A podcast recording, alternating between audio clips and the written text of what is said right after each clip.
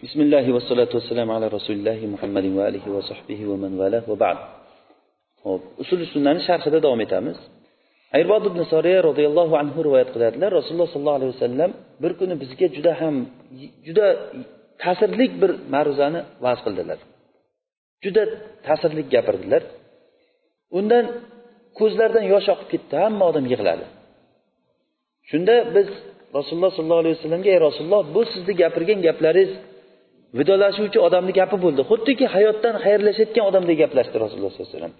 Xuddiki rasululloh bir joyga bo'ldi hayotdan ketyaptilarda o'zidan keyin odamlarga eng kerakli narsani mendan keyin mana buni qilinglar mendan keyin mana buni qilinglar deb aytib ketganga o'xshayapti. Bizga vasiyat qiling ey rasululloh deganda rasululloh sollallohu alayhi vasallam aytdilarki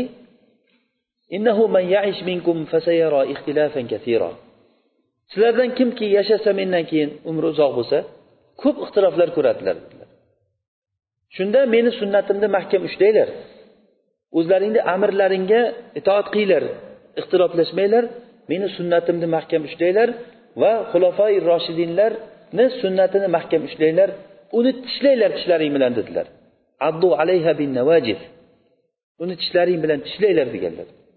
Demak mana shu narsa bizni hayotimizda birinchi aslimiz bo'ladi. Sahobalarni holatini mahkam ushlashdi. Shu joyda biz shiyalar bilan ajralamiz. Ikkinchi asl vatarkul bida va kullu bidatin fahiya dalala bidatni tashlashlik. Bidat nima deganda buni sharhini to'liq aytdik. Misollar keltirdik bunga. Bidat degani rasululloh sollallohu alayhi vasallam davrida qilinmagan ibodatlar keyin qilinadigan bo'lsa mana shu bidat bo'ladi. Umuman qisqaroq olganda bidat shu. Ya'ni sahobalarni sahobalar qilmagan narsa deyavering ibodatda sahobalar qilmagan narsalar bidat bo'ladi. Va kullu bid'atin fahiya dalala va tarkul uchinchi aslimiz nima? Tarkul miroi val jidali val husumati fid din. Dinda talash tortishlikni tashlashlik. Mana bu asl. Al asl tarkul miroi val jidal. Aslisi bu narsa. Hech qachon talash tortishmang. Tolib ilmlarga odat bo'lgan. Ozroq ta'lim o'rgangandan keyin shu talashishni tortishishni o'zi talashish bilan birga mullalarni olib borib bir bilan bir biri bilan xo'roz urishtirganda urishtirib tomosha qilib o'tirishni yaxshi ko'radi. Mullalar ham tayyor. Ketdik degandan kitobini qo'ltiqlab chiqadi. Unisi yoqdan keladi. Shu davrada o'zini ko'rsatishdan boshqa narsa emas. Hatto ba'zida burni qonab bir biridan ajralgan mullalarni bizni buvalarimiz rahmatli buvam gapirib berardi. Shu mullalar bir joyga yig'ilsa burni qonab tarqalishi ekan. Oyatul kursini o'qing deb bittasi o'qiganda yo'q seniki g'alati ekan desa sen o'zingniki g'alati deb ikkovsi turib bir birini urib burnini qonatib bir urganda yelkasigacha kirib ketgan desa unisi yo'q beligacha kirib ketgan. desa yo'q qulog'igacha kirib ketgan. degan tortishuvlar. O'zi haqiqatda shunday bo'lgan o'zi. Bu tortishuvlar shu darajagacha chiqib ketgan. Tarkul miroi val jidal val husumat fid din. Va sunnatu indana asaru rasulillahi sollallohu alayhi vasallam. Sunnat bizda rasululloh sollallohu alayhi vasallamning asarlari. Rasulullohni izlari bizga sunnat bo'ladi din bo'ladi. Rasululloh nima qilgan bo'lsalar o'sha narsa bizga hujjat bo'ladi. Rasululloh nima debdi ekan? Rasululloh nima qilibdi ekan? Imom shofiy rahimaulloh aytganlar al ilmu ma kana fihi qala va haddasana va ma siva zalika vasvasu shayatini ilm unda qola va haddasana bo'lgan gap ya'ni rasululloh bunday dedilar rasululloh mana bunday aytib berdilar degan narsa ilm bo'ladi. Bundan tashqarisi hammasi shaytonlarni vasvasasi. Biz demak bizni dinimizni aslisi shu rasululloh sollallohu alayhi vasallamni holatlari. Sunnat qur'onni tafsir qilib beradi. Mana bu asl bilan qur'oniylar chiqib ketdi. Ahli sunnadan qur'oniylar chiqib ketdi. Va sunnatu tufassirul qur'an va va bu sunnat qur'onni dalillari biz shu sunnat orqali qur'onni tushunamiz sunnat orqali qur'onga yetib boramiz. Qur'an. Sunnatda qiyos yo'q dedik. Ya'ni nima degani buni ma'nosi? Sunnatda qiyos yo'q degani. Nima degani? Sunnatda qiyos yo'q degani? Qiyos fosit yo'q degani. Ya'ni qiyos fosit qanaqa bo'ladi? Nususlarga teskari kelgan qiyos. Ya'ni nususda bir gap aytib turibdi bu ishtihod qilyaptidan keyin chiqargan narsasi nususga nima qilyapti? Teskari kelyapti. Mana bu qiyos qiyos fasid deyiladi. Bunaqangi qiyos dinimizda yo'q. Sunnatga hech qachon misol keltirilmaydi. Rasululloh bir gapni aytsalar bunday bo'lsa nima bo'ladi? Bunday bo'lsachi bunday bo'lsachi deyilmaydi. Bu faqat ergashishlik.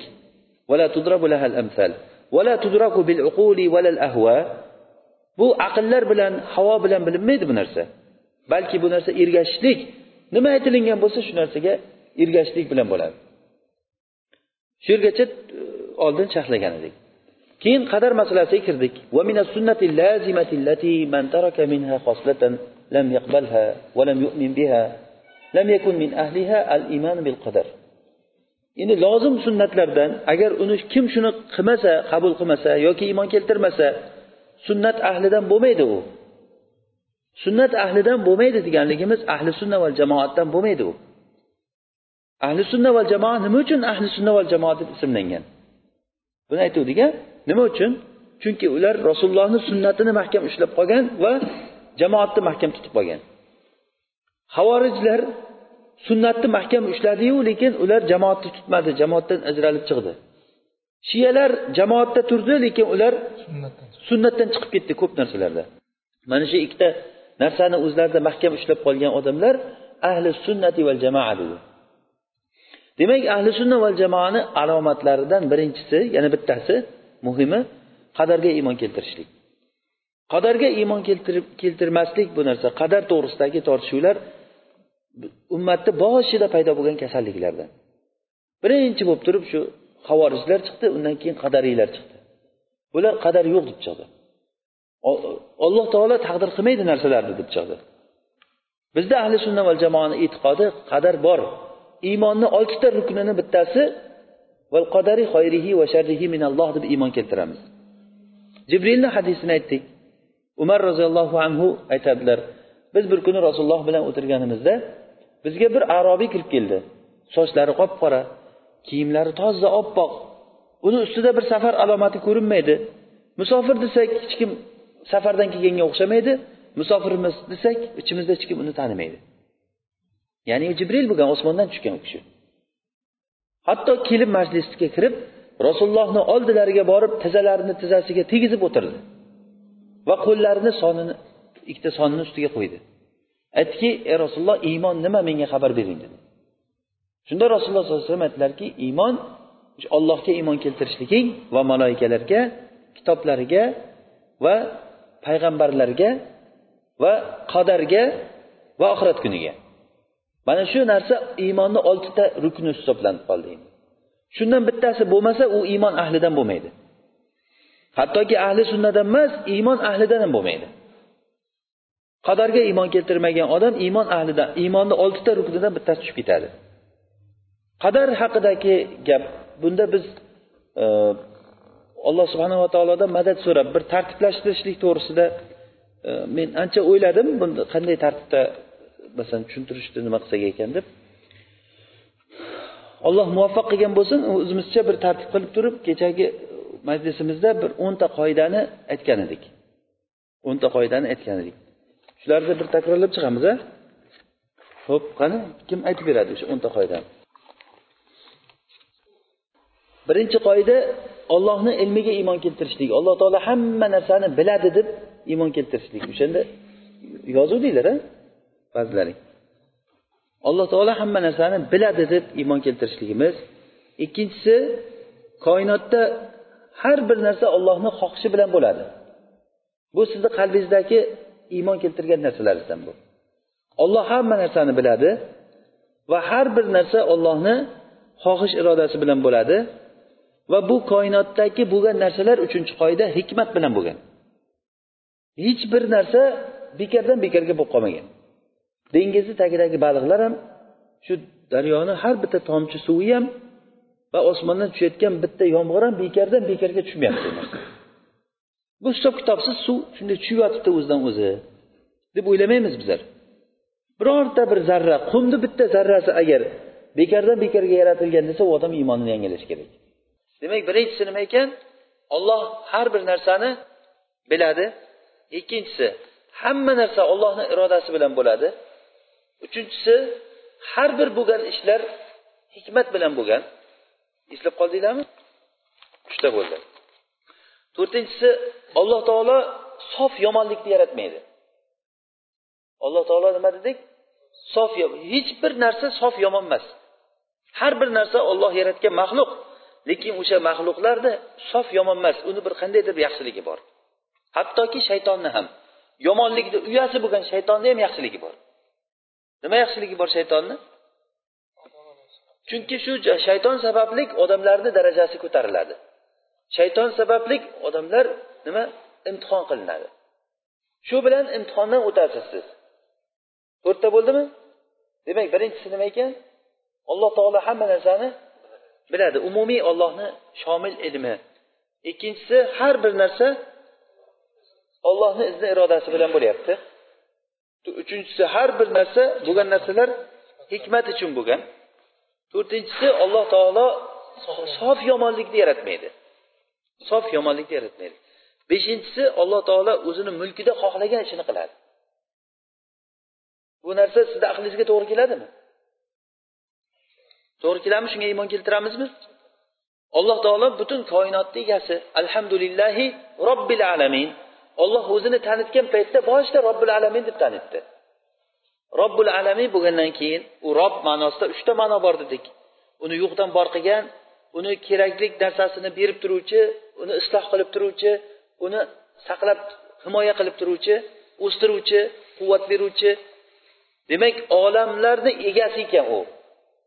Biz o'sha zotni e, parvardigori deymiz ya'ni parvarish qiluvchisi. Butun o'sha koinotlarga qarab turuvchi zot deymiz. O'sha zot xohlaganini qiladimi? Valillahil masalul ala. Biz bir insonni misolini aytayotgan bo'lsak siz o'zizni uyingizda xohlagan jihozingizni xohlagan joyga qo'yishingizga mumkinmi? Bir qo'shni kelib turib nimaga mana shu shkafni mana do'labni nimaga qo'yib qo'yding? Buni chiqar bu uydan. Narigi uyga qo'ygin desa xo'jayinmisan sen deysizmi? Tur ishingni qil uyingga bor deysiz. Hatto siz o'zingizni ishingizga aralashtirgani yomon ko'rasiz. Alloh taolo nima deb o'ylaysiz? Kim olloh taologa turib olib turib buni bunday qilishing kerak edi buni bunday qilishing kerak edi deb aytadi? Olloh xohlagan ishini qiladimi? Alloh subhanava taolo xohlagan ishini qiladi. Abul hasan al ashariy rahimaulloh shu o'rinda bir e, aytgim keldi shuni. Bu kishi ashariya aqidasini o'sha ashariyman degan odamlar shu kishiga ergashaman deydi. Abul hasan al ashariy mutaqaddimlardan aimmalardan. Hozirgi mana misrdagi nimalar ko'pchilik ashariy aqidasidagi odamlar. Ashariylar shu abul hasan ashariyga ergashamiz deydi. Bu kishini uchta hayotida aqidada uchta bosqichi bor. Birinchisi u kishi o'sha o'gay otasi bo'lgan onasini. Onasi uni ergashtirib kelib tekkan bir kishi. Shuni shogirdi bo'lgan bu kishi. Bir qancha yil qirq yil shuni nimasida yurgan ta'limida. Mo'taziliy aqidasida bo'lgan. Bir kuni ustozidan so'ragan. Aytganki bitta misol e, u mo'taziliylarda bitta aqida borki alloh taolo aslah bo'lgan ishni qilishligi vojib deydi. Ya'ni bandalarga foydali narsani qilib berish ollohga vojib deydi. Mana shu ularni birinchi aqidasi. Men shuni aytmoqchiman. Alloh taologa vojib deb kim ayta oladi uni? Mana shunday qilishligi kerak olloh qilmasa bo'lmaydi deb kim aytadi uni? Ashariy e, nimalar mo'taziliylar shunday aqidada. Keyin bir kuni o'sha nimasiga o'gay otasiga aytganki uchta bolani misoli degan. Bittasi yoshligida o'lib ketgan. Bittasi yoshi katta bo'lgandan keyin kofir bo'lib o'lgan bittasi solih amal qilib jannatga kirgan. Solih amal qilgan. Shular nima bo'ladi oxiratda degan shu uchovsi degan. Keyin bu yaxshi amal qilgani jannatga kiradi degan. Yomon amal qilgani kofir bo'lgani do'zaxga kiradi. Shunda yomon amal qilgani ey robbim nimaga haligi nima bu nima yosh o'lib ketganichi desa u yosh o'lib ketganni alloh taolo jannatga kirgizadi. Nima uchun? Chunki alloh taologa yaxshini qilishlikni vojib dedikku. Uni do'zaxga kirgizmay uni yaxshilikka kirgizish kerak.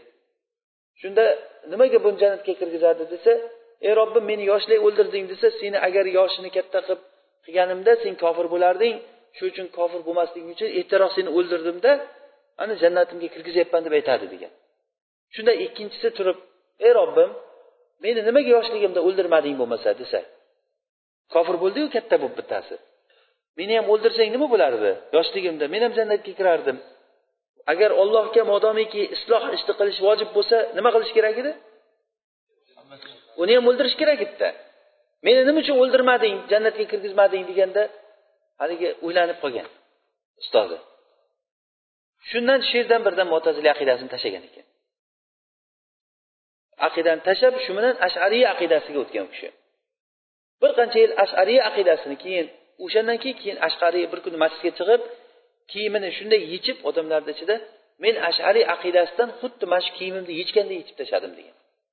Oxirgi ishlari ahli sunna va jamoa aqidasida bo'lgan u kishi ibona degan kitobda shu narsalarni bayon qilib bergan.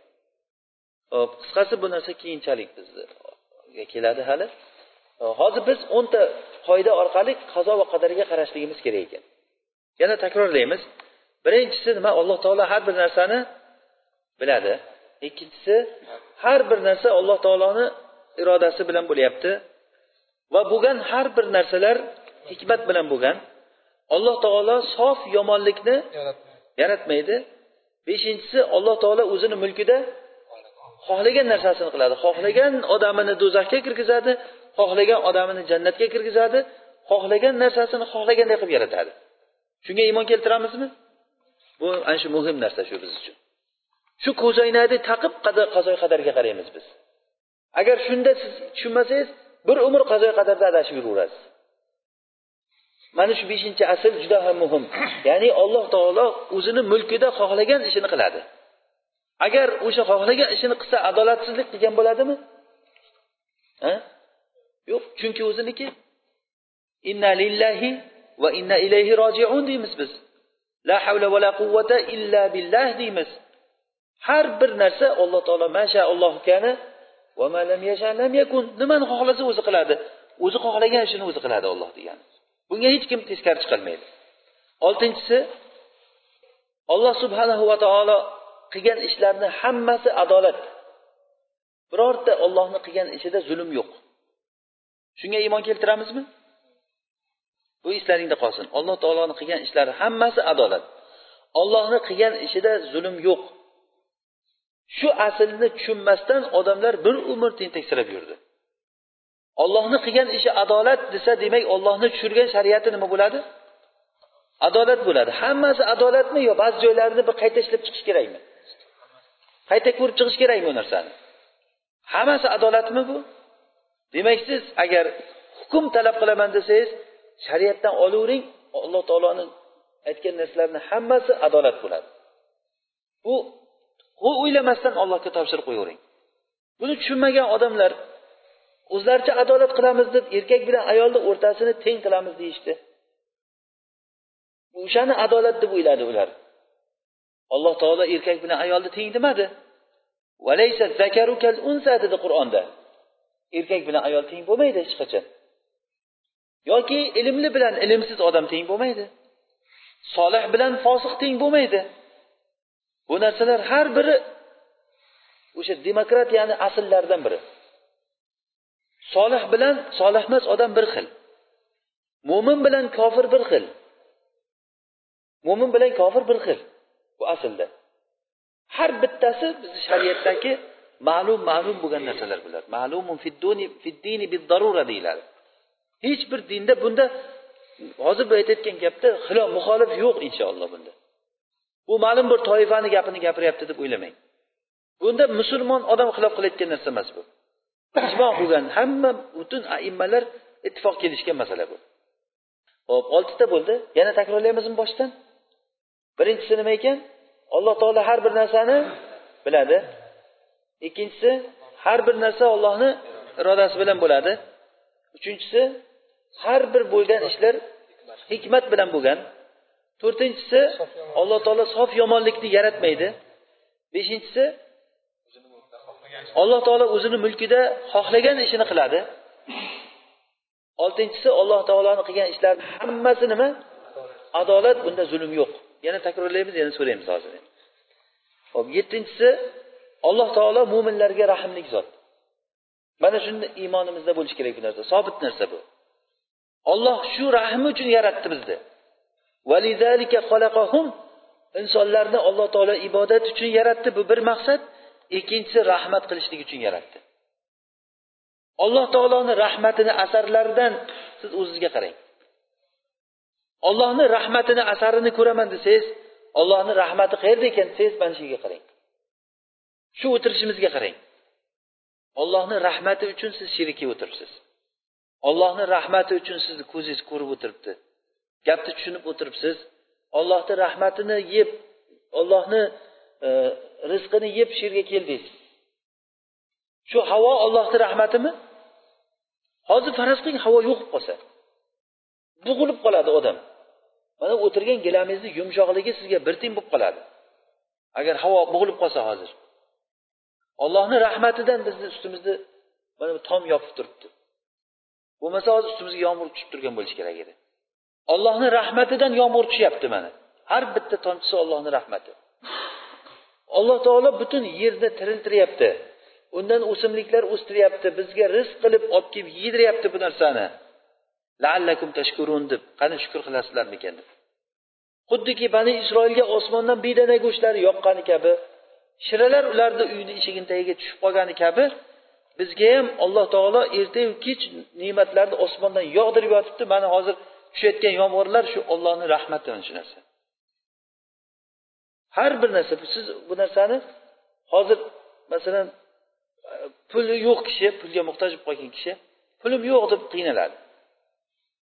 O'sha odamga ho'p seni bitta qo'lingni kesib olaylik shuncha pul beraman desangiz rozi bo'ladimi o'sha odam? Demak ollohni rahmatidan uni qo'li ishlab turibdi. Ollohni rahmatidan ichingizda qon aylanyapti fikrlayapsiz gapiryapsiz bu juda ham katta rahmat. Bu haliku bu shunday ko'zimiz bilan ko'rayotgan. Oxiratda qancha rahmatlar bor. Alloh taolo sizga rahm qilib sizni yaratdimi? O'zi rahm qilsin deb turib umid qilamiz allohdan. Demak nechta bo'ldi bu? Yettita bo'ldi. Yana takrorlaymizmi? Alloh taolo har bir narsani biladi. Har bir narsa ollohning irodasi bilan bo'ladi. Bo'lgan har bir ish ollohning hikmati bilan bo'lgan. Alloh taolo sof yomonlikni yaratmaydi. Alloh taolo o'zini mulkida xohlagan ishini qiladi. Ollohni qilgan ishlarini hammasi adolat zulm yo'q. Va yettinchisi nima bo'ldi? Alloh taolo mo'minlarga rahmlik zot rahm qilishlik uchun yaratdi. Sakkizinchisi ollohdan boshqa har bir narsa maxluq. Bu ham bir uh, juda muhim narsa. Ollohdan ollohni sifatlari ism sifatlaridan boshqa har bir narsa maxluq. Hattoki sizni fe'l harakatlaringiz maxluq. Ya'ni hozir biz qilayotgan ish hozir biz qilayotgan ishimiz alloh taolo uchun maxluq. Buni tushunib oling yaxshilab. Shu narsada mo'taziliylar va qadariylar ahli sunnaga katta xilofi bor. Hozir mana shu narsani shu ko'tarsam men. Mana shu ko'tarishlik ishini olloh yaratdimi yo meni o'zim yaratyapmanmi? Men qilyapman lekin yaratishchi olloh yaratyapti. Mana bu ahli sunnani aqidasi bu. Mo'tazililar va qadariylar odam odam yaratyapti buni deydi. Ollohni bu yerga daxli yo'q deydi. Chunki shunday bo'lsa imtihonni ma'nosi bo'ladi deydi. Olloh o'zi yaratib turib nima uchun o'zi do'zaxga kirgizadi odamni deydi. Tushunyapsizlarmi mana shu narsa biz uchun hozir qadar masalasida ishkal bo'lib kelib qoladi agar xayolingizga o'ylab qarasangiz. Bunda mo'tazillarni mana shu yerdan o'zi adashgan ular. Shuning uchun ular aytadiki alloh taolo insonni yaratdi va insonga quvvat berdi va quvvat berib qo'yib bo'ldi o'zini holatiga tashlab qo'ydi bo'ldi qaramasdan. Bu o'zi xohlagan ishini qilaveradi odam. Endi o'sha qilgani uchun javob beradi bunga ollohni hech daxli yo'q. Va alloh taolo uni qilayotgan ishini bilmaydi ham deydi. Keyin ma'lum bo'ladi farishtalar yozadi. Sizga quvvat berib qo'ygandan keyin qani nima qilay ekan? Ha bu namoz o'qiyotganmi yo'qmi? Xuftonni o'qidimi yo'qmi? O'qidi. Xuftonni o'qidi deb yozadi. Keyin mana bu ishni qildim bomdodda o'qidimi? O'qidi. Bu vazifani qildimi? Qildi yo qilmadi deb yozib ketaveradi keyin ma'lum bo'ladi hammasi. Qiyomat kuni shunga qarab hisob kitob bo'ladi xuddi imtihonga o'xshab deydi. Dunyo imtihoniga o'xshaydi deydi. Mana bu kimni aqidasi bo'ldi bu? Mo'taziliylar va qadariylarni aqidasi bu. Ya'ni qadar yo'q degan odamlarni aqidasi. Ahli sunna va jamoa aytadiki bu bo'layotgan ishlar hammasi olloh taolo uchun maxluq ya'ni maxluq degani nima? Olloh yaratadi lekin banda uni kasb qiladi deydi. Banda kasb qilganligi uchun bandani ixtiyori borligi uchun banda javobgar bo'ladi. Alloh taolo insonga ixtiyor degan narsani yaratib berdi. Bu ixtiyor ikkita vajihlik narsa ixtiyor degani xuddiki shunday bir narsa bo'lsa uni bu tomoni yaxshilik bu tomoni yomonlik. Siz mana shuni tepasida turibsiz. Xohlasangiz yaxshilikka tushasiz xohlasangiz yomonlikka tushasiz. Mana shu tushishlik ixtiyori sizda. Xohlang bu tomonga keting xohlang bu tomonga keting alloh taolo uni yomonligini va taqvosini ilhomlantirdi ko'rsatib qo'ydi. Qod aflaha man zakkaha va qod xoba man dassaha. Kim agar uni poklab yaxshilikka qarab ketsa najot topdi yomonlikka ishlatgan odam halok bo'ldi degan. Inson mana shu ixtiyor nuqtasi borligi uchun javobgar bo'ladi. Inson ixtiyor qiladi alloh taolo yaratib beradi. Olloh yaratsa bo'ladi ixtiyor qilganingiz bilan olloh yaratsa bo'ladi. Agar olloh yaratmasa siz ixtiyor qilsangiz ham bu ish bo'lmaydi.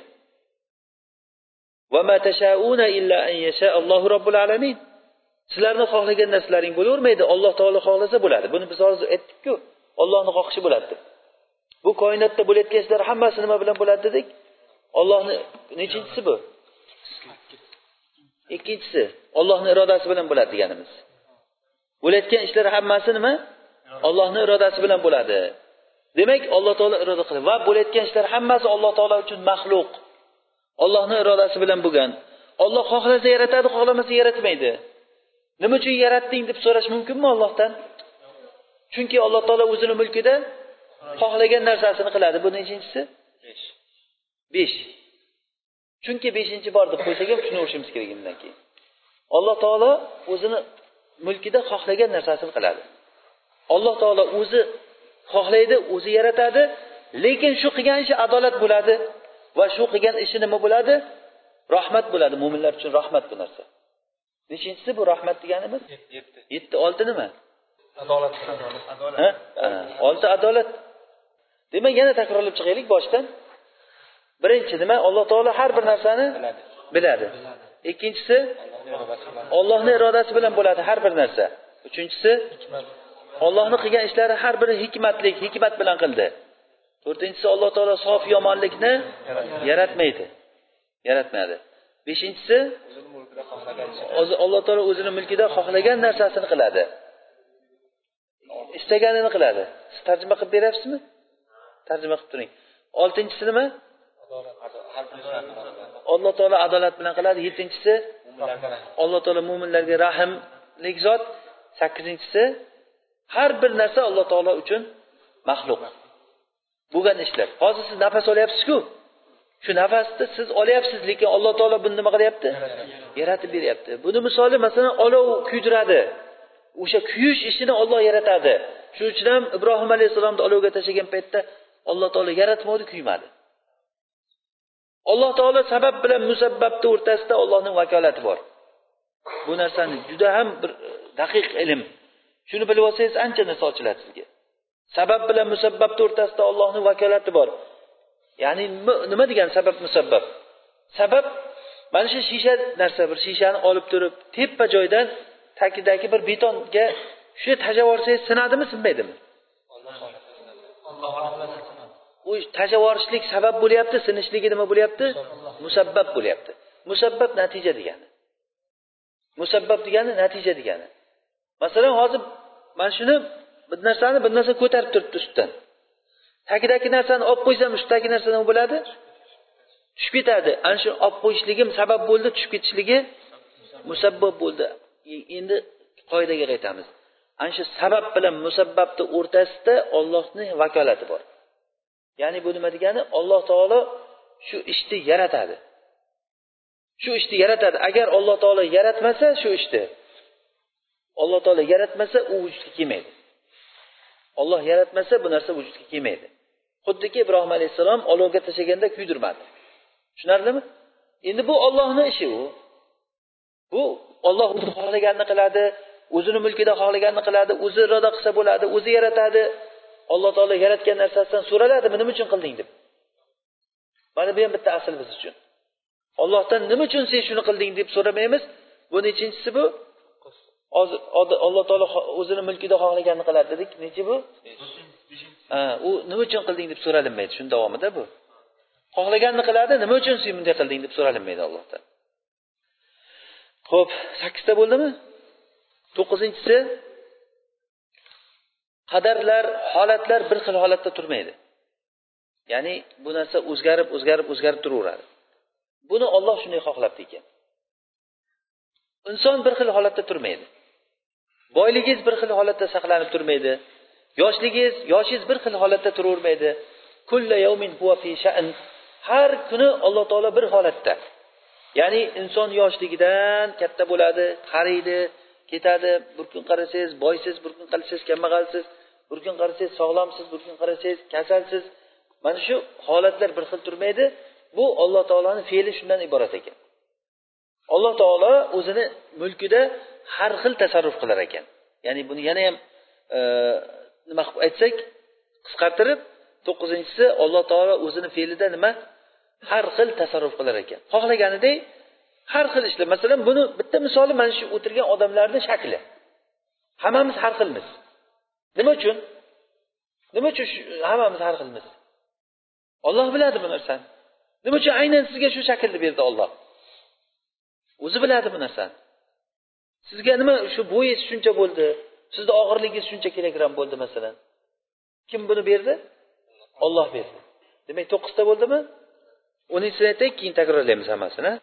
Unga o'tganimizcha baribir esimdan chiqib ketgan bo'ladi yana boshlab kelaveramiz ertaga yana darsimizni shunda o'ntani yana takrorlaymiz. Undan keyingi darsimizda yana takrorlaymiz. Toki bu narsa hammaga yod bo'lib qolgan. Inshaalloh bugun yodlab qoldik dars bo'lsa ertaga boshqa narsani aytamiz.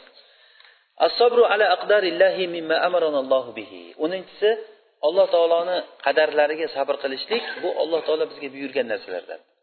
Ollohni qadariga sabr qilishligimiz kerak. Bunga bizga buyurilganmiz bizga vojib qilgan bu narsani. Boshdan aytamiz. Birinchisi nima? Alloh taolo har bir narsani biladi. Har bir narsa ollohni irodasi bilan bo'ladi.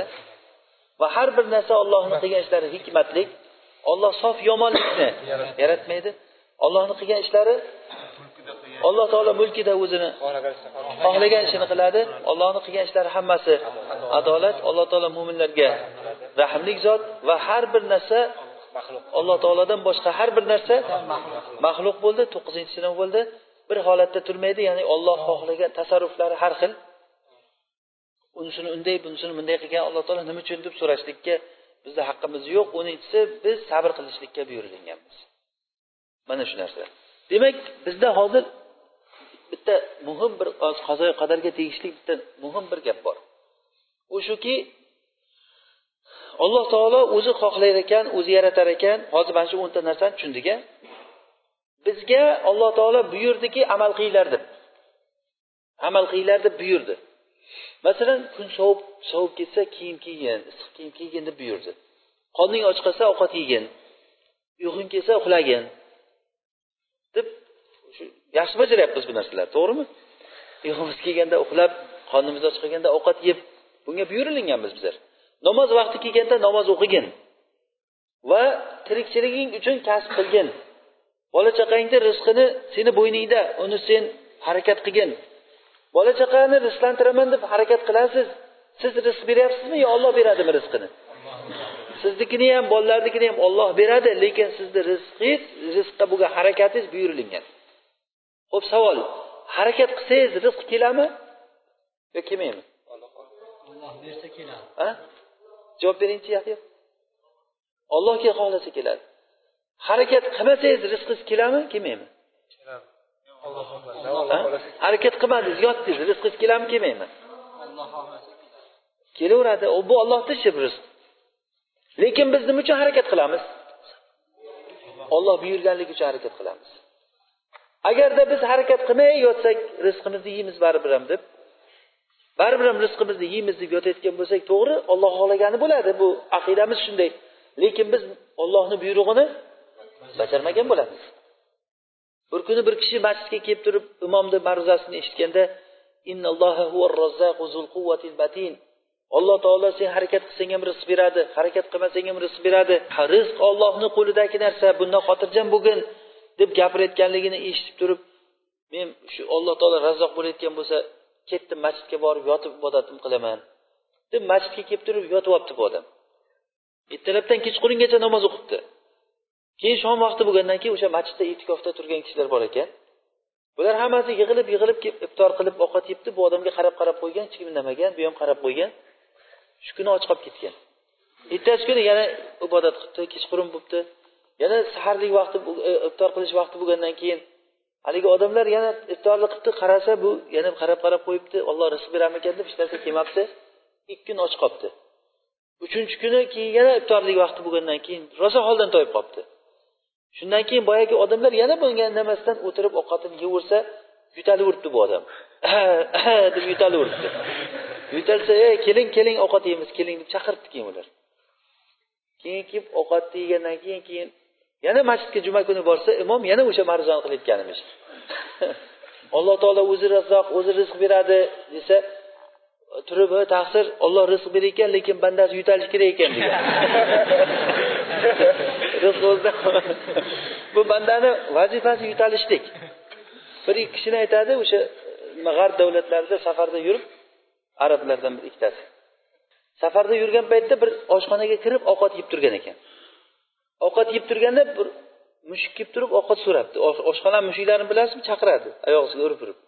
Qarasangiz ovqat ber deydi hayron qolasiz shunchalik aqlli bo'lib ketgan kishi ekan keyin haligi mushukka ovqat bersa ovqatni tishlab haligi mushuk olib ketibdi. Bu odam aytibdi bu mushukda bir gap bor. Chunki mushuklarni odati bergan joyingda yeydi. Kuchuk bo'lsa olib ketadi. Mushuk joyida yeydi o'sha yerda. Kuchuk bo'lsa olib ketadi. Bersangiz albatta o'sha joyda yemaydi kuchuk. Olib bir chekkaroqqa ketadi. Keyin nima bo'lyapti ekan deb o'sha mushukni orqasidan boribdi bu. Mushukni orqasidan borsa haligi mushuk bir ko'zi ojiz mushuk bor ekan shunga olib borib berar ekan ovqatni.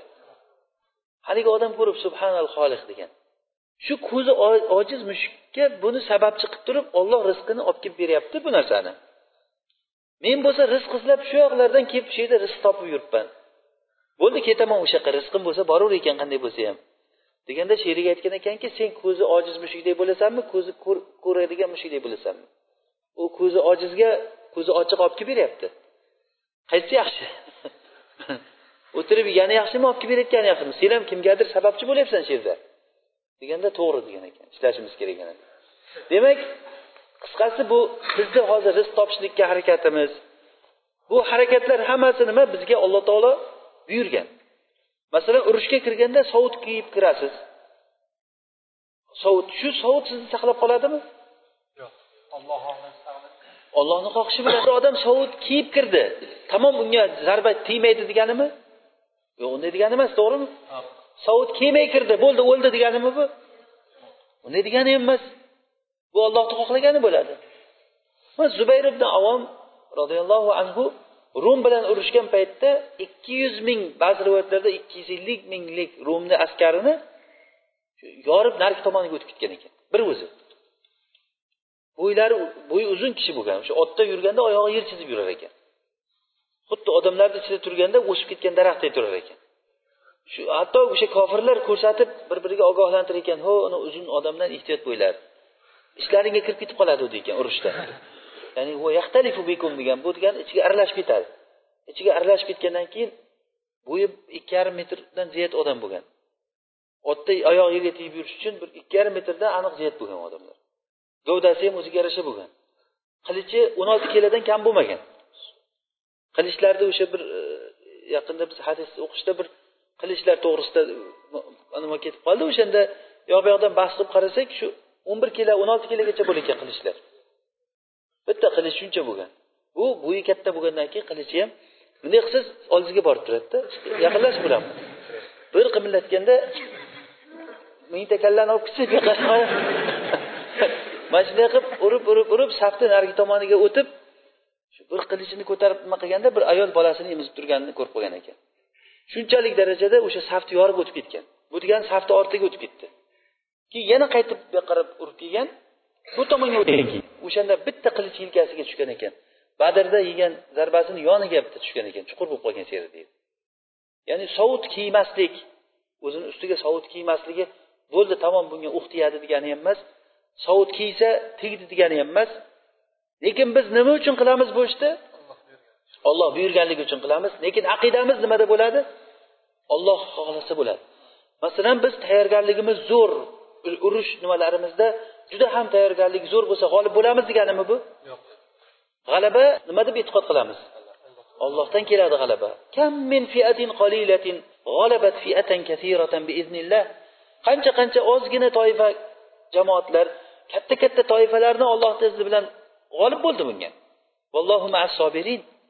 Alloh taolo sabr qiluvchilar bilan birga. Demak bizni e'tiqodimizda agar jamoat katta bo'lib kuchli bo'lsa bo'ldi g'olib bo'ldi deganimi? Yo'q bu ham emas. Mag'lub bo'lishligi ham mumkin. Masalan havozin bilan jang bo'lgan paytda havozin rasululloh makka fathidan keyin toifga jang qilgan havozinga o'shanda musulmonlarni soni o'n ikki mingdan ziyod bo'lgan. Bitta o'sha jangda musulmonlar adadda ko'p bo'lgan. O'shangacha qachon kofirlar bilan jang bo'lgan bo'lsa doim musulmonlarni adadi kofirlarnikidan kam bo'lgan. Shu jangda kofir musulmonlarniki ko'p bo'lgan. O'shanda musulmonlar aytgan ekanki bo'ldi biz g'olib bo'lamiz biz bugun adadda yengilmaymiz degan. Urush boshlangan shunday urushga kirib kelgandan keyin ular ular o'ylamaganday chiqib qolgan kofirlar. Juda ham mergan otuvchi kamonchi odamlar bo'lgan ekan. Kamonlar bilan shunday osmondan yog'dirganda to'kilib ketgan odamlar. Orqaga qarab qochgan keyin. Rasululloh hey qaytinglar desa hech kim gapga quloq solmas ekan. Hech arqa oldiga qaramasdan bayroqlarni ham tashlab o'sha har xil yangi islomga kirgan arablar ichlarida kofirlar ham bo'lgan makkadan qo'shilgan qiziqib chiqqan ular ham. Hamma chiqyapti. Keyin ular ham qochgan o'sha boshlab shular boshlab berganda. Shu ketganda rasululloh sollallohu alayhi vasallam bir ozgina bir jamoat bilan birga e, qolib qolgan. Keyin abbosga aytgan abbos juda ham jahvoriy sovut kishi bo'lgan ekan. Ovozi qattiq bo'lgan. Ey abbos degan muhojirlar ansorlar chaqirdi ekan. Ansorlar ey ansorlar deganda qochib ketayotgan joyida shunday to'xtagan. Rasululloh chaqiryapti sizlarni degandan keyin to'xtab birdan orqaga ketgan hammasi. Ey muhojirlar degan muhojirlar rasululloh chaqiryapti sizlar deganda shunday joyida to'xtab orqaga ketgan ansorlar va muhojirlar yana o'sha eski jamoatga qolgan ish. Shular qaytgan yana o'zini bir o'nglab olganda keyin g'olib bo'lgan. Demak bu degani adad ko'p degani g'olib bo'ldi degani emas adad kam degani mag'lub bo'ldi degani emas biz e'tiqodimizda g'alaba ollohdan keladi. Kasal bo'lsangiz kasal bo'lsangiz davolansangiz yaxshi bo'lasizmi bo'lmaysizmi? A olloh shifo bersa yaxshi bo'lamizmi yo davolansak yaxshi bo'lamizmi? Olloh shifo bersak bo'lamiz. Ali ali roziyallohu anhuni gaplari bor. Biz oltita narsani olti joydan oqtardik qidirdik keyin uni boshqa oltita joyda topdik. Biz istagan joyda emas ekan.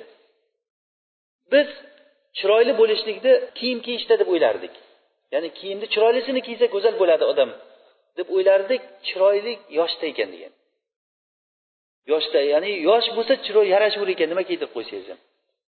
Masalan yaxshi bir chaqaloq chaqaloqdan sal kattarib qolgan to'rt besh oylik bolaga nimaga o'rab qo'ysangiz ham chiroyli ko'rinib turaveradi. Unga bir qimmat materialdan kiydirib qo'ying nimayu bir oddiy narsadan bir narsaga o'rab qo'ying nima ko'rsangiz ko'zingizni quvontiradi haligi. Demak chiroy yoshda ekan degan. Biz boyishlikni pulni ko'pligida deb o'ylavdik pulda deb o'ylavdik boylik qalbda ekan degan. Puli ko'p bo'lgani bilan odam kambag'al o'zi hamma narsaga muhtoj to'ymaydigan odam bo'lishligi mumkin. Xuddiki shabiyga bittasi sizga mana ming dinor hadya desa men kambag'aldan pul olmayman degan ekan. E, men nima deb o'ylayapsiz? Men kambag'al emasman bu arzimagan narsa bu men uchun. Deganda sen shu ming dinorni birov senga berishligini yoqtirasanmi degan. Hada degandan keyin ko'rdingmi kambag'alsan degan. Men yoqtirmayman degan. Menga kerak emas pul degan.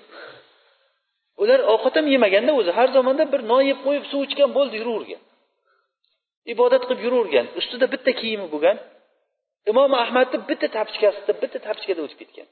Oyog'ida bitta nalda. Hatto shogirdlari taqsir bitta oyoq kiyim olaylik sizga desa yo'q safar oz qoldi. Ozroqdan keyin yetib boramiz manzilga der ekan. Shu ham bo'ladi degan shu bilan yetib boramiz der ekan. Judayam kana biz muqilla minal mal. Hozir biz kitobni o'qiyapmizku. Molda judayam nima bo'lgan ekan? Hattoki o'sha xalqul qur'onda qamoqda kalta yeb yotgan paytlarida ham amakisi ziyoratiga kelib turib jiyaniga rahmi kelib ey jiyan qur'onni maxluq degin seni ham chiqarib yuboradi sheriklaring hammasi yuribdi tashqarida maxluq chiqdi hammasi sen ham chiqqin shunday qilib turib majbursanku hozir aytishlikka deganda ey amaki men ollohni azobi bilan hamchini solishtirib ko'rdim badanim hamchiga chidayapti degan. Lekin ollohni azobiga chidolmaydi degan. Vallohi meni uyim bilan qamoqxona bir xil ekan degan. Uyimda ham ishtima yo'q degan. Deydi ham ovqat beryapti degan. Molda judayam u kishi kambag'al bo'lgan ekan. Demak boylik degani odamni qalbida bo'ladi. Pulni ko'payishligini uni yig'ishlikda deb o'ylovdik. Keyin bilsak uni sarflashlikda ekan degan. Pulni yig'avergan bilan pul ko'paydi degani emas u. Va kasaldan tuzalishlikni biz davolanishlikda deb o'ylasak u shifoda ekan degan. Alloh taolo shifo bersa bo'ladi. U shifo bermasa kasaldan tuzalmaydi odam. Rasululloh sollallohu alayhi vasallam aytdilarki agarda bir joydan vabo chiqqan bo'lsa kirmanglar. Agar vabo chiqib qolgan joyda bo'lsanglar o'sha joydan chiqmanglar. Buxoriy rohimalloh rivoyat qilgan hadisda keladi sahihda agarda bir odam bir joyda bo'lsa bu ma'nosi. O'sha joyda vabo chiqib qolsa sabr qilib rasululloh menga shunday degan shu yerdan chiqmasligim kerak deb shu yerda qolib o'lsa u odam shahid bo'ladi inshaalloh. Ya'ni yana bir boshqa hadisda aytadiki mohovdan mohov kasali borku mohovdan xuddi sherdan qochganday qoch degan hadisda. Xuddi sherdan qanday qochsang mohovdan shunday qochgin degan. Boshqa bir hadisda aytganki yuqish yo'q degan. Yuqish yo'q. Hozir biz mana shu narsani inshaalloh tushunib turib ketishimiz kerak shu yerdan yuqish yo'q degandan boshlaymiz. Rasululloh aytdilarki la adva la adva degani epidemiya yo'q dedilar. Epidemiyani bilasizlar a yuqish. Masalan bir kasal bo'lsa yonidagi odamlarga yuqib yuqib yuqib ketaveradi. Endi yuqish yo'q deyaptilar rasululloh. Keyin bir sahoba aytdiki ey rasululloh meni bir tuyalarim bo'ladi xuddiki kiyikdek yaldiragan tuyalarim bo'ladi. Ichiga bitta qo'tir bosgan tuyani olib kelib qo'shsam hammasi qo'tir bosib ketadi. Siz yuqish yo'q deyapsiz. Tushunyapsizlarmi bu nima degani bu? Yuqar ekan demani mol boqib ko'rgansizlarmi? Buzoqlarda agar bittasida qo'tir bossa hatto sigir sog'uvchilarni qo'llari ham qo'tir bo'lib ketishi mumkin o'sha mollarni nimasi tegibdi. Rasululloh nima deyaptilar? Yuqish yo'q deyapti. Shunda rasululloh aytdilarki birinchisiga kim qayerdan yuqqan birinchisiga? Ho'p bu tuyaga bu tuyadan yuqdi bu tuyaga bu tuyadan yuqdi. Birinchi tuya qo'tir bo'ldiku. O'sha qayerdan bo'lgan qo'tiri? Ollohdan bergan birinchisiga olloh bergan ikkinchisiga bundan yoqqan deymizmi? O'sha olloh birinchisiga bergan olloh bunga ham o'sha olloh bergan demak bu yuqish degan narsa yo'q. Olloh bersa olloh yaratsa bo'layotgan. Endi nima uchun bo'lmasa yuqish yo'q bo'layotgan bo'lsa vabo chiqqan joyga kirmanglar kirgan bo'lsanglar chiqmanglar deyaptilar. Vabo chiqqan joyga kirmanglar kirgan bo'lsanglar chiqmanglar deyaptilar. Nima uchun? Bu narsa amal bobidan. Xuddiki biz rizqqa harakat qilamiz lekin rizqni siz harakat qilsangiz keldi degani emas harakat qilmasangiz kelmadi degani emas dedikmi? Ishondik bu narsaga. Demak kasallikdan kasallikdan qochsangiz kasallik tegmaydi deganimi? Yoki kasallikni ichiga borsangiz kasallik tegani deganimi? Yo'q. Lekin masalan bir odam bir mohov odamni oldiga borib birga ovqat yedi bu ham mohov bo'lib qoldi. Nima deb o'ylaydi bu odam qalbida? Aniq shunday yuqdi deb o'ylaydimi? Shunday yuqdi deb o'ylashligi to'g'ri aqidami noto'g'ri aqidami shu noto'g'ri aqida kelib qolmasin deb qoch degan. Mahovni oldida o'tirmadi vahov bo'lib qoldi. Bu odam nima deb o'ylaydi keyin? Ollohdan ollohdan ollohdan bo'ldi deymi? To'g'ri aqida qiladimi? Shu to'g'ri aqida bo'lishligi uchun qoch degani bu.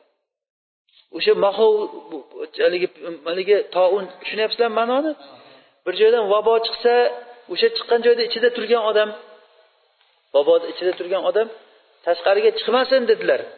Agar o'sha odam tashqariga chiqib u borgan joydagilar ham o'sha bo'lib ketsa kasal bo'lib ketsa vabo kasali bilan musibatlansa u odamlar nima deb o'ylaydi? Mana shu olib keldi hamma narsani deydi. Shu odam keldi shu kasal bosib ketdi hamma joyni deydi. Shunday deydimi? Demak o'sha aqida buzilmasligi uchun bu odam chiqmasin shu yerda o'tirsin degani. Tashqaridagi odamlar kirmasin degan umar ibn hattob roziyallohu anhuni xilofat davrida shomga umar shomga borgan askarlari bilan shomga shu yaqinlashib qolganda shomdan vabo chiqdi deb eshitgan. Shunda o'sha joydan maslahat qilgan ansorlar chaqirgan muhojirlar chaqirgan ixtilof qilgan hammasi kiramiz kirmaymiz deb chiqib ketinglar degan ansorlar kirsin degan ansorlar bilan maslahat qilgan katta katta shayxlar bilan maslahat qilgan. Keyin oxiri shu xulosaga kelgan bo'ldi kirmaymiz ketamiz degan. Bu yerga o'sha shomga kirmaymiz degan vabo chiqqanligi uchun. Abu ubayda ibn jarroh aytganki amirul mo'minin siz ollohni qadaridan qochib ketasizmi? degan. Ollohni qadari bo'ladiku borsangiz ham sizga yuqishligi nima bo'ladi? Ollohni qadariku bu deganda ey abu ubayda agar sendan boshqa odam aytganda edi bu gapni haqini berardim men degan. To'g'ri degan. Degan. Ollohni qadaridan ollohni qadariga qochamiz degan. Fahmni qarang bu yerdagi fiqni ollohni qadaridan ollohni qadariga qochamiz degan. Agarda seni ikkita bir qo'ying bo'lsa yo tuyang bo'lsa degan abu ubaydaga mana bu yerda bir o'tloq vodiy bor. Mana bu yerda o't yo'q vodiy bor. Agar o'ti bor vodiyga boqsang ham ollohni qadari bilan boqqan bo'lasanmi? Ha degan. Agar o'ti yo'q vodiyga boqsang ham ollohni qadari bilan boqqan bo'lasanmi? Ha deganda bo'ptida degan. Demak bu ollohni qadari bilan qilyapmiz. Hozir biza kirsak ham ollohni qadari bilan kiramiz kirmasak ham ollohni qadari bilan kirmaymiz. Deb turib orqaga qarab qaytgan paytda u kishiga bir sahobalardan bittasi kelib aytganki men rasulullohdan eshitgandim agar bir joyda vabo chiqqanligini eshitsanglar kirmanglar kirgan bo'lsanglar chiqmanglar degan edi rasululloh deganda umar alhamdulillah degan ekan. Ya'ni umarni bu qilgan ishi hadisga to'g'ri kelganligi uchun. Demak bu hadisni hozir umarni qilgan ishlari rasululloh sollallohu alayhi vasallam vabo bo'lsa kirmanglar kirgan bo'lsanglar chiqmanglar degan hadisni yuqish yo'q degan hadis bilan qanday qilib jamlaymiz? Ha? Xohlasa kasallik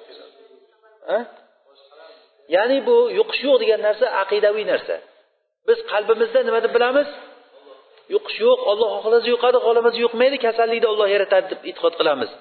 Lekin badanimiz bilan qilayotgan amalda nima qilamiz saqlanishlikka harakat qilamiz. Saqlanishlikka lekin harakat qilsak ham kasal kelmaydi degani emas bu. Agar borib o'zimizni shu kasalni ichiga ursak kasal keldi degani emas bu. Sabablarni nima uchun ushlaymiz biz? Olloh buyurgan olloh buyurganligi uchun sabablarni ushlaymiz. Sabablarni olloh buyurganligi uchun yana takror aytamiz. Sababni qildi degani musabbab bo'ldi deganimi yo'qmi? Sababni qilsa musabbab bo'ldi deganimi? Masalan siz tirikchilik uchun harakat qilyapsiz bo'ldi rizqim ko'paydi deb o'ylaysizmi? Qachon rizqingiz ko'payadi? Olloh bergan bo'lsa ko'payadi olloh tor qilgan bo'lsa u rizqi kelmaydi. Alloh taolo kimni rizqini tor qilgan bo'lsa uni rizqi tor bo'ladi. Kimni rizqini keng qilgan bo'lsa uni rizqi keng bo'ladi. Vallohi o'sha rizqni yemaguncha o'lmaysiz hech kim o'ldirolmaydi sizni.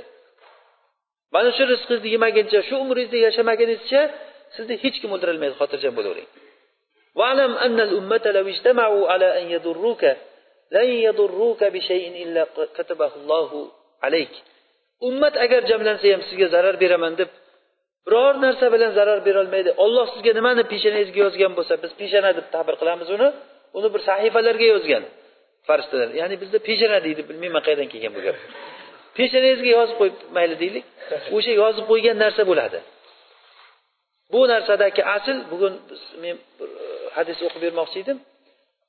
Menimcha vaqtimiz ancha kech bo'lib qoldi. Bu narsadagi asl bir hadis bor buxoriydagi hadislardan. Shu hadisni o'qishimiz kerak. Bu nimada? Nima qilamiz? O'qiymizmi yo bo'ldimi? Buxoriy rahimaulloh qadar kitobida aytadilar babun fil qadar. Babun fil qadar. Aynan biz o'qiydigan narsa. Qola haddasana abul valid هشام بن عبد الملك قال حدثنا شعبة قال أنبأني سليمان الأعمش. قال سمعت زيد بن وهب عن عبد الله. من هو عبد الله؟ عبد الله ديجان مطلق يتلسى ابن مسعود شنال عن عبد الله وهو ابن مسعود. قال بما يبزوقيت كي حديث كم حديثه؟ ابن مسعود. تحديثه بخاري رواقيا حدثنا رسول الله صلى الله عليه وسلم وهو صادق المصدوق. Bizga rasululloh sollallohu alayhi vasallam aytib berdilar u kishi sodiqul masduq zot. Sodiq degani sodiqun fi xabarihi. Ya'ni gapida to'g'ri gapiruvchi degani. Gapida to'g'ri gapiruvchi masduq degani u kishini gapi tasdiqlangan boshqalar tarafidan. Ya'ni uni eshitgan odam bu yolg'on gap demaydi hech kim. Hatto kofirlar ham. Eshitgan paytda bu yolg'on deyolmaydi hech kim. Illo aytadi o'sha boya aprislik qilib aytadi aytgan odam mukobara qilib aytadi. odamlarni ko'zicha yolg'on deydi lekin ichida shu gapni to'g'riligini isbotlamay iloji yo'q chunki fitrati inson u ham وهو صادق المصدوق قال إن أحدكم يجمع في بطن أمه أربعين يوما بالرواية يجمع خلقه في بطن أمه أربعين يوما نطفة deb kelgan bu yerda yo'q ekan unisi ثم علقة مثل ذلك ثم يكون مضغة مثل ذلك ثم يبعث الله ملكا فيؤمر بأربع برزقه وأجله وشقي أو سعيد. ثم ينفخ فيه الروح. فوالله إن أحدكم أو الرجل يعمل بعمل أهل النار حتى ما يكون بينه وبينها غير باع أو ذراع فيسبق عليه الكتاب فيعمل بعمل أهل الجنة فيدخلها.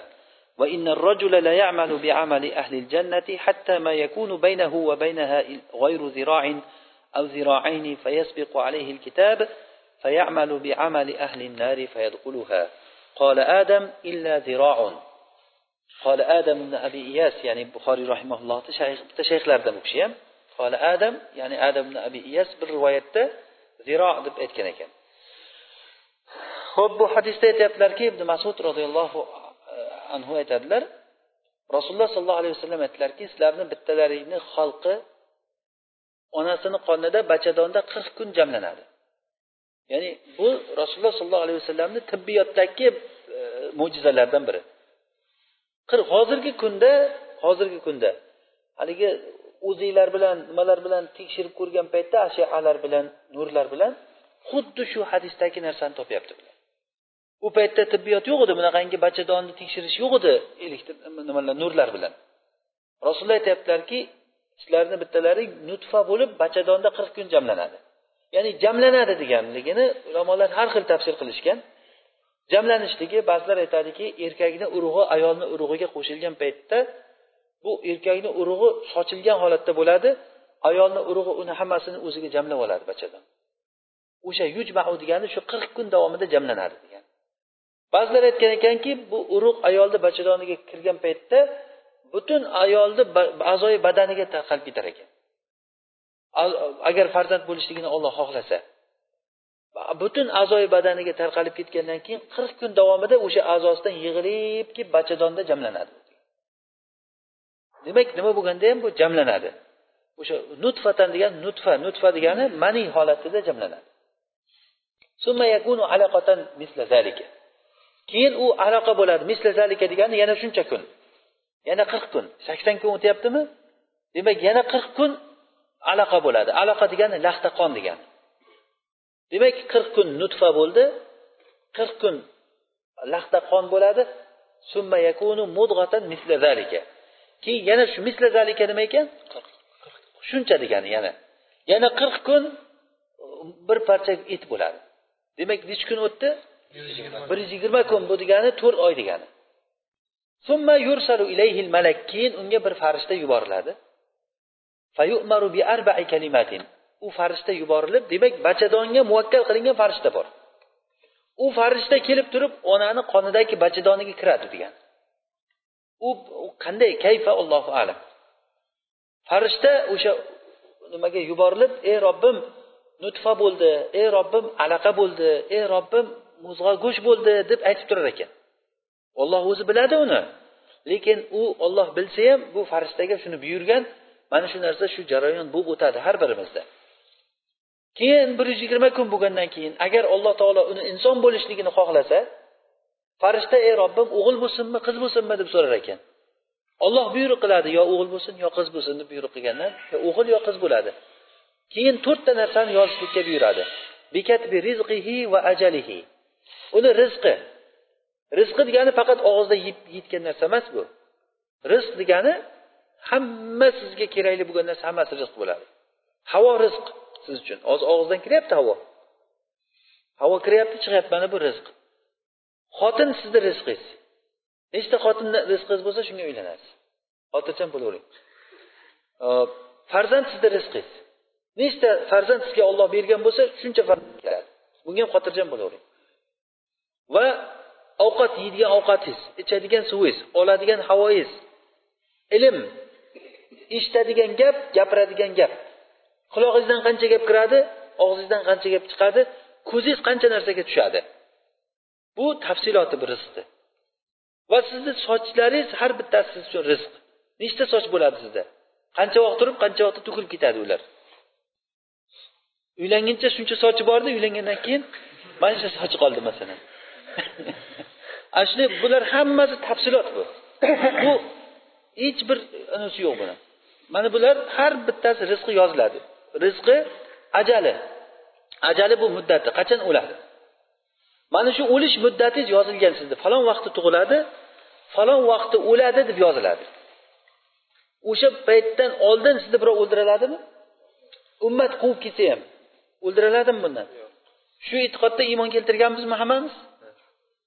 Iymon keltiramiz mana shu narsaga agar ummat jamlansa ham shu ajalimiz tugamay o'ldirolmaydi hech kim deymizmi? Alhamdulillah. Shu o'zi. Qadarga bo'lgan iymon shu. Hech kim o'ldirolmaydi sizni xotirjam bo'lavering. Shu sizni ajalingiz tugamaguncha rizqingizni yemaguncha. Va ajalihi. Va uchinchisi u odam shaqiymi yoki saidmi? Ya'ni shaqiy degani baxtsiz do'zaxiy odammi yoki jannatiy odammi? Do'zaxi yoki jannati ekanligi onasini qonida paytda yozyapti farishta. Nimaga yozyapti uni? Uni bir sahifaga yozyaptimi? Farishta u aytilmayapti hozir. Yozishga buyuriladi deyapti. Biz lekin yozish deganda nimaga tushunamiz? Oldin faqatgina qalamga yozishni tushunardik. Hozir ismimiz yozish ham yozish bo'lyapti. To'g'rimi? Demak bu o'ziga xos yozib olgan. Allohu alam lekin biz e'tiqod qilamizki shu to'rtta narsani yozadi. Mana shu hadisdan olinadigan foydalarni ulamolar olgan foydalarni ko'rib siz lol qolasiz ulamolarni aqliga. Hozir inshaalloh alloh qodir qilsa mana shu foydalarni aytib beramiz erinmasak agar alloh qodir qilsa. Hozir to'rtta kalima yozildi. Summa yunfahu fihi ruh yoki summa yanfuhu fihi ruh. Summa bilan kelyapti. Shundan keyin unga ruh puflaydi ya'ni ruh puflaydi degani bo'ldi odam bo'ldi bu degani. Buni e, ibn hajar rahimaulloh nechi kunda unga qulog'i ochiladi nechi kunga unda ko'zi ochiladi bularni hammasini kunlari bilan aytib bergan ekan. Onani qonida paytda bir yuz yigirma kun bo'lgandan keyin unga ruh beriladi. Mana shu gapdan ulamolar aytishadiki bir yuz yigirma kun bo'lgandan keyin bola tug'ilsa shofiy rahimaulloh qadimgi mazhabida va imom ahmadni bir mazhabida agarda bir yuz yigirma kun bo'lgandan keyin bola tug'ilib onasini qonidan tushib qolsa unga janoza o'qilinadi degan. Yuvib kafanlab ko'miladi chunki unga ruh berilgan inson u degan. Mana shu hadis bilan. Lekin bu jumhurga xilof bu. Jumhurga xilof nima? Nasaiy rahimaulloh rivoyat qilgan hadisda jobirni hadisi agarda bola yig'lab tug'ilsa unga u meros oladi va janoza o'qiladi degan hadis bor. Shu hadis bilan bu demak u janoza masalasi kafanlash masalasi boshqa masala u. Tushunyapsizlarmi demak o'sha bir yuz yigirma kun bo'lgandan keyin unga ruh beriladi deganda demak bu u bir inson hisobida bo'ldi. O'shani o'ldirib qo'ygan odam odam o'ldirgan bo'ladi. O'shandan kelib chiqadiki bir yuz yigirma kundan keyin ayol kishi bolasini oldirib tashlasa odam o'ldirgan bo'ladi. Ungacha bir yuz yigirma kun bo'lgangacha bo'lgan hukm boshqacharoq. Bir yuz yigirma kundan keyingi hukm boshqacha. Chunki unga nima deyapti? Ruh beriladi deyapti. Ruh berilgandan bir tirik inson hisoblanadi. Inshaalloh bu yerda hozir boshqa gaplar ko'p gap uzun bo'lib ketadi. Ho'p allohga qasamki deydi rasululloh sollallohu alayhi vasallam aytyaptilar allohga qasamki sizlarni bittalaring jannat amalini ahlini qilaveradi. Ba'zi rivoyatlarda odamlarni ko'zicha jannat amalini ahlini qiladi keyin u jannatga kirishligiga bir ziro qoladi. Bir ziro degani bir quloch. Bir quloch ziro degani bir yetmish oltmish yetmish santimetrlik narsa.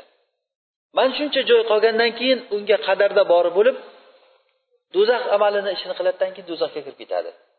Va sizlarni bittalaring bir umr do'zax amalini ahlini qiladi do'zaxga kirishligiga bir ziro qolganda jannat ahlini amalini qiladida qadarda bori bo'lib jannatga kirib ketadi. Va demak o'sha said odam baxtli odam onasini qornida baxtli bo'lgan odam baxtli bo'ladi. Baxtsiz odam onasini qonida baxtsiz bo'lgan odam baxtsiz bo'ladi. Demak mana narsani alloh taolo bizga yozib bitib qo'ygan qachon?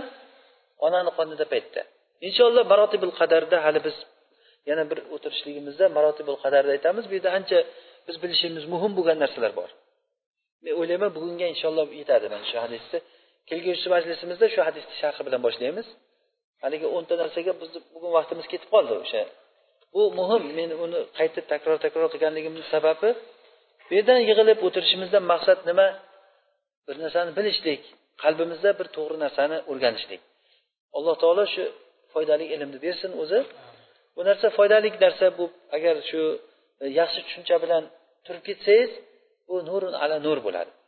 Ya'ni oldingi bilimimizdan ko'ra yana o'sha turishda e, vahum dahalu bil kufri vahum qad bihi deb munofiqlarni alloh taolo sifatlab berganda rasulullohni oldiga qanday kirgan bo'lsa o'shanday chiqib ketib hech bir foydalanmasdan e, chiqib ketuvchi bo'lib dunyoga qanday kelgan bo'lsak o'shanday ketib qolishlik bu narsa e, bizga yarashmaydi mo'min kishilarga.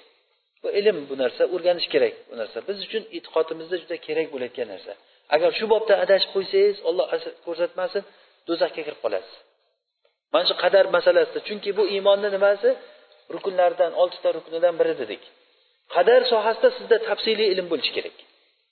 Qadar sohasida siz shu nima biz nima e'tiqod qilamiz deb ko'nglingiz xotirjam bo'lishi kerak. Hech bo'lmasa birovga tushuntirib berolmasangiz ham hech yo'q o'zingizni ko'nglingiz xotirjam bo'lishi kerak. Inshaalloh munoqasha qilaylik. Agar bir savollaring bo'lsa savollarni tashlaysizlar. Bugun emas inshaalloh ertangi majlisdan keyin.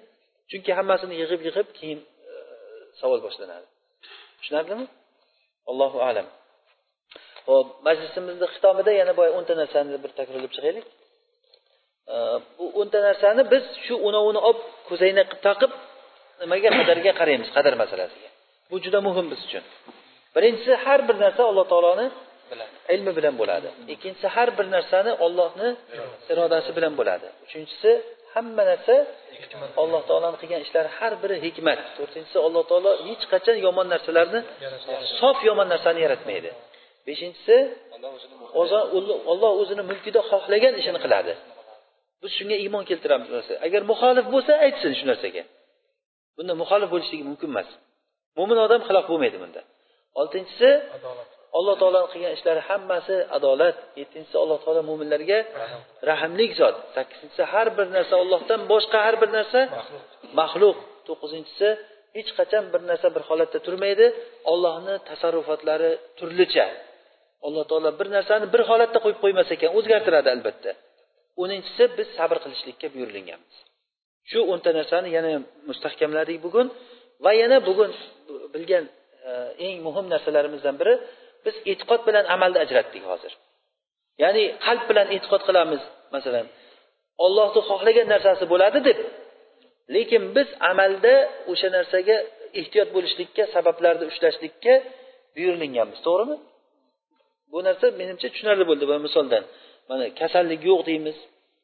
Kasallik yo'q deb e'tiqod qilamiz lekin undan saqlanishlikka harakat qilamiz buyurilganligimiz uchun. Rizq azaliy deb e'tiqod qilamiz. Hozir onani qonida rizqni yozib qo'yyapti farishta kelib turib. Azaliy deb e'tiqod qilyapmiz bu narsani rizqni. Harakat qilsangiz rizqingiz ko'payib qolmas ekan. Harakat qilmasangiz rizqingiz kamayib qolmas ekan. Siz ehtiyot bo'lib dushmandan qochib yursangiz dushman sizni o'ldirolmay topolmay umringiz uzoq bo'lib ketib qolmas ekan va ehtiyot bo'lmay o'zingizni ursangiz juvormak bo'lib o'lib ketib qolmaysiz ekan. Demak lekin bu narsani ehtiyotda olishlikka buyurilganmiz. Nima uchun?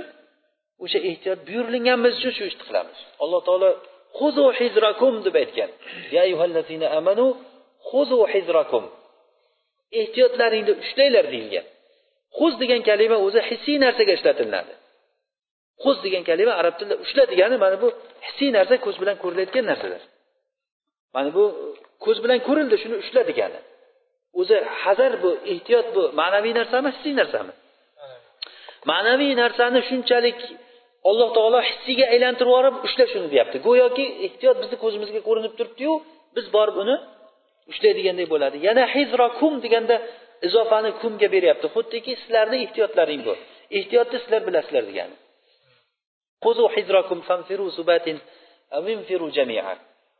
Allohu alam. Inshaalloh kelgusi majlisimizda mana shu hadisni e, sharhi bilan boshlaymiz. Bu juda muhim.